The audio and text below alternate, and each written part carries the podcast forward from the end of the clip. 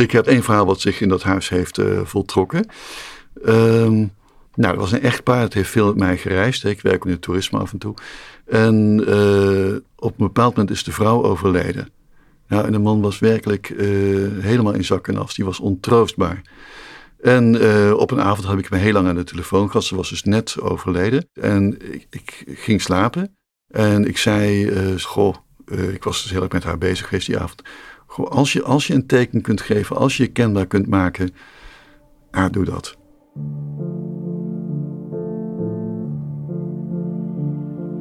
Spoken, vorige levens en bezoek van buitenaardse wezens. Vaak doen we het af als onzin. Maar of het nou te verklaren is of niet, invloed heeft zo'n ervaring zeker.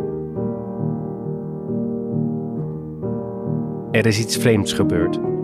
Een ode aan het niet begrijpen.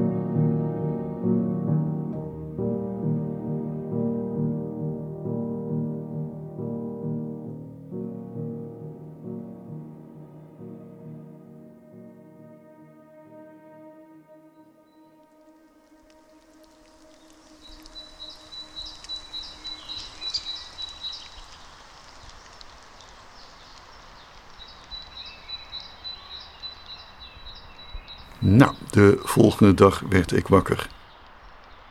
En in de slaapkamer hangt een heel zwaar Nepalees masker. Echt een heel zwaar houten object. Dat hangt daar.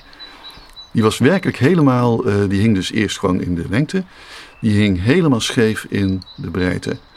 En we hadden toen nog huurders, dus ik zo, moet je nou toch eens kijken. Ik heb vannacht, van, gisteravond dit aan deze vrouw gevraagd en uh, nu dit. Nou, uh, ik heb het een tijdje zo laten hangen dat mijn vriend ook kon zien van ja, dit heeft zich uh, voorgedaan. Moet ik nou zeggen, het mechaniek van het masker was niet goed? Nee, het hangt nou al jaren aan hetzelfde mechaniek en het verschuift nooit. Maar uh, die ochtend hing het inderdaad helemaal scheef. Ja, het doet zich voor. Ik kan er ook niks anders van maken. En juist ook omdat ik natuurlijk zo lang met hem in gesprek had gezeten de avond daarvoor en aan haar uh, s'avonds had gezegd voor het slapen gaan: Als je kenbaar kunt maken, ach, probeer dat. En je denkt natuurlijk van: dan droom ik van haar of zo. Nou, nee, dat lag even anders. Dit gebeurde. Wanneer een dierbaar persoon komt te overlijden, is verdriet en gemis niet het enige dat achterblijft. Heel soms veranderen er ook dingen in de fysieke wereld en lijkt het wel alsof de overledene ons nog één laatste groet wil brengen. Zo krijgen alledaagse voorwerpen als sinaasappelen of klokken een grote betekenis.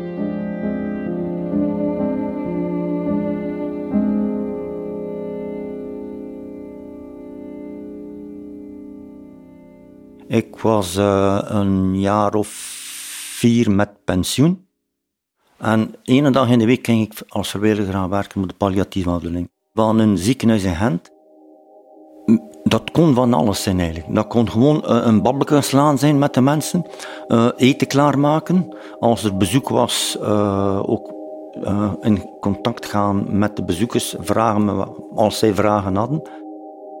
Maar nooit op eigen nootje. Er was altijd een verpleegster die kon zeggen, help mij een keer met dat bed op te maken of, of, of om het even wat, ja. En uh, een van de patiënten, zijn naam, meen ik, was Gerrit. En met die had ik wel een goed contact. En dat was dus avonds.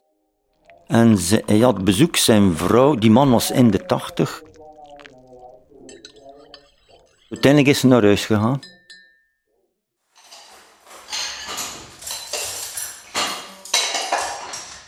Uh, en dan, nadat we, nadat we daar uh, ik en de verpleegster al een uur, een uur en een half bezig waren, uh, namen wij altijd een pauze. Het was rond zeven uur s'avonds.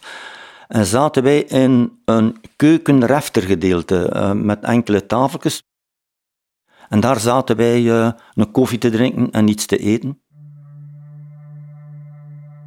En ehm, ik keek op een bepaald moment gewoon richting de keuken waar er een schaal met fruit stond.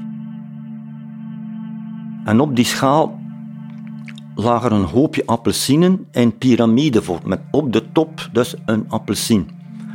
En op een bepaald moment uh, valt mijn oog daarop. Ik kijk gewoon die richting uit En ik zie die bovenste appelsien naar beneden rollen.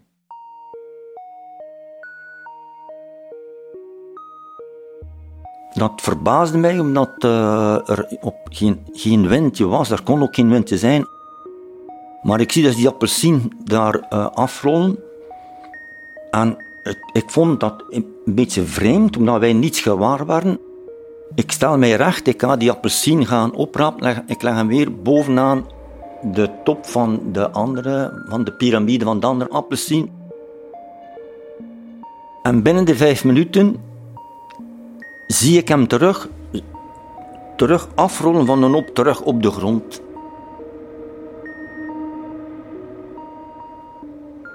Dus ik ging de hang in. De eerste kamer links lag Gerrit en ja, ik zag dat Gerrit overleden was. Geen, geen leven meer in zijn ogen, open ogen. En uh, ook duidelijk niet meer aan het ademen, mond open. Ja, ik, ik dacht het eigenlijk al de eerste keer toen hij eraf viel. Van ik denk, ik dacht dat is Gerrit, ja. Gerrit is overleden. Op een of andere manier legt hij contact. Een vreemde gedachte. Uh, ik ben dat direct gaan zeggen aan de verpleegster. Ik heb haar dat gezegd. Ik meen dat ze ook gezegd heeft, ja, dat is, het gebeurt niet het gebeurt wel regelmatig iets speciaals. Als er hier, eh, hier gebeuren regelmatig van die rare dingen die we niet kunnen verklaren, heeft zij gezegd, ja.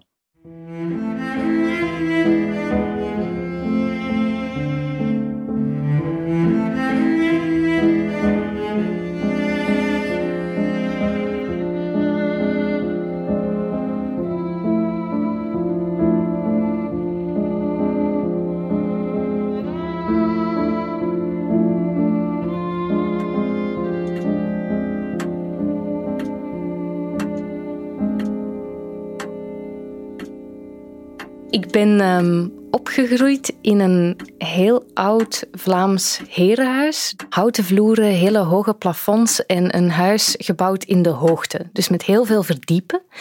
En mijn papa had op elk verdiep boven de deur een grote klok gehangen, zo'n wijzerklok die tik, tik, tik, tik, tik doet. Op een bepaald moment is er bij mijn uh, papa kanker vastgesteld, een hersentumor. En hij heeft toen de beslissing genomen van oké, ik wil absoluut niet um, sterven in een ziekenhuis, maar ik wil thuis sterven in dat prachtig huis met de hoge plafonds en de klokken die tikken. Hij lag uh, in zijn bureau, in een bed daar tussen zijn kunstboeken, um, aan het raam. En het ging van kwaad naar erger. Dus je ziet echt iemand wegkwijnen. En ik weet, de laatste dag um, ben ik nog langs zijn uh, bed komen zitten. En ik had toen, um, weet ik ook nog, handschoenen aan. Want ik kwam van buiten en ik had van die leren roze handschoentjes aan. En hij zag die en hij was daar de hele tijd aan het, aan het aanraken. Hij was daar helemaal door gebiologeerd. En opeens was hij er terug mentaal. En hij keek mij aan. We hebben nog even gebabbeld. En dan heeft hij ook gezegd, ik zie u graag. En die nacht is hij gestorven.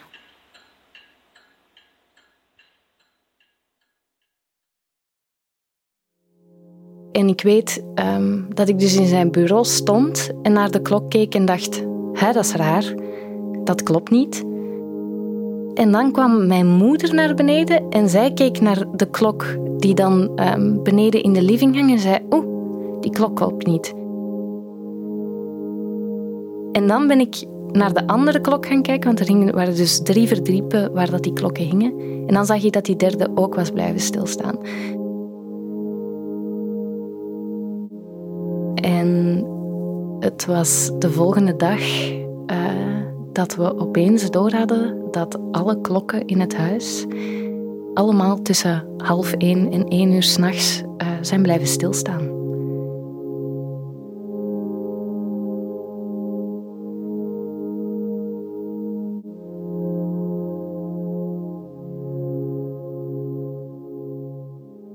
En het is ook zo dat in de week nadien zijn ook alle planten gestorven.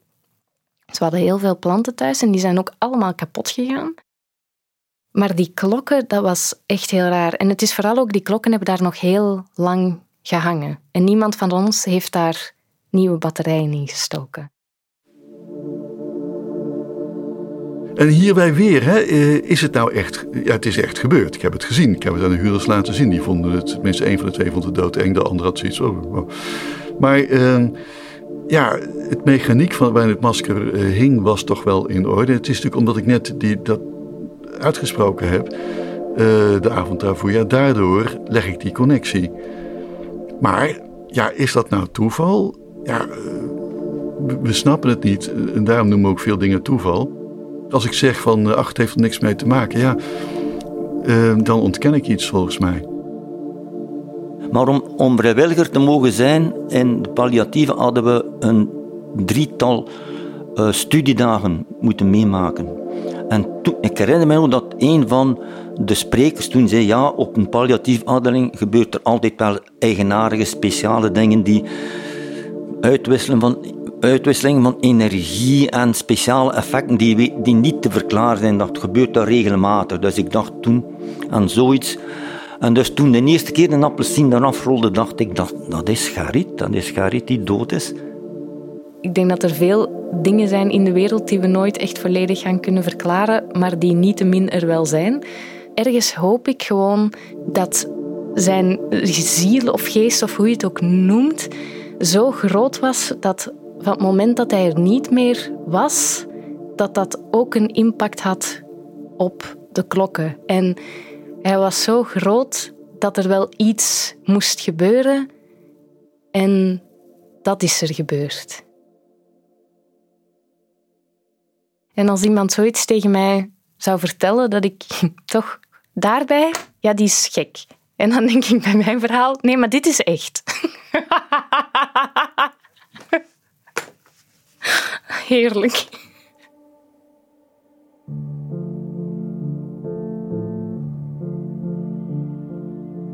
Wat doe je als je nieuwe kast een geest lijkt te bevatten? Dat hoor je in de volgende aflevering. Heb je zelf wel eens iets vreemds meegemaakt? Stuur een mailtje naar info.babylonac.com. We zijn ontzettend benieuwd naar jullie verhalen, klein of groot. Er is iets vreemds gebeurd is een podcast van Babylon Audio Collective, gemaakt voor Podimo.